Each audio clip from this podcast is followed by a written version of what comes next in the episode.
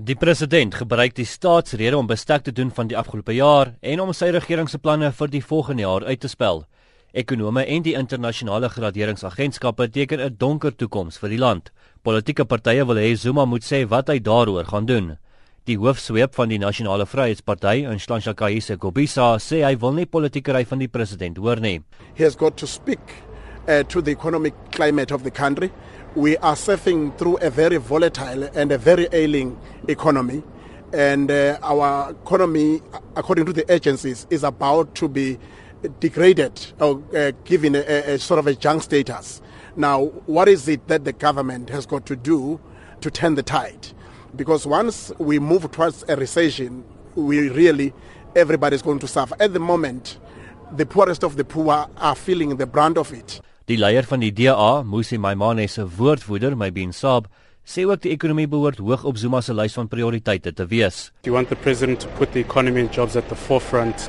Last year during his SONA address, he launched a nine-point plan which we haven't seen come to fruition because the economy is shrinking and we see jobless South Africans increasing. Die leier van die Vryheidsfront Plus, Pieter Mulder en die leier van die ACDP, Kenneth Meshwe, sê Zuma behoort oor werkloosheid te praat. Suid-Afrika gaan deur 'n klomp krisisse op die oomblik en ek kan hulle almal opnoem. Dis nie die punt nie. Die vraag is die president het die geleentheid in sy rede om hoop te gee en om antwoorde mee te kom. As hy net ou regeringsstandpunte en beleidsrigtinge gaan herhaal met 'n boodskap dat hulle gaan dit beter toepas in 2016, het ons groot moeilikheid. Hy moet erken sekere beleidsrigtinge werk nie en hulle moet gewysig word. Ons slag nie om werk te skep nie, ons kry nie beleggings nie. Kom ons kyk na die arbeidswetgewing bijvoorbeeld om dit makliker te maak om werk te skep. Kom ons maak dit makliker vir mense in die buiteland om te kom belê. Dis dinge wat hoop gaan gee uiteindelik.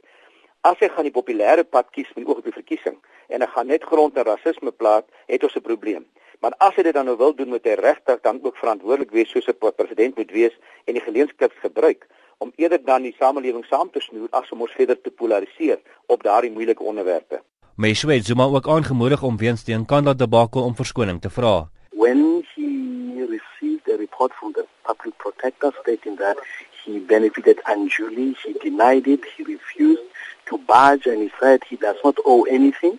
But now he has turned around because he was advised that he should have admitted from the beginning. So he needs to apologize that he has been unnecessarily stubborn because if he agreed with the report and also the advice that was, was given political parties, the country would have been Die hoofsweep van die ANC, Moloto Motapu, sê hulle hoop die president sal die regering se prestasies onderstreep. The president will take stock of the great progress that the ANC government has been able to make with regard to the delivery of essential services to the people of South Africa.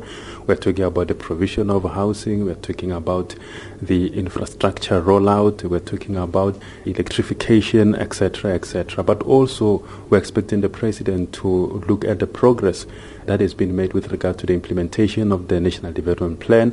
Zuma se staatsrede begin om 7:00 vanaand. Hierdie verslag deur Joseph Masia in die parlement en ek is Justin Kennedy vir SABC nuus.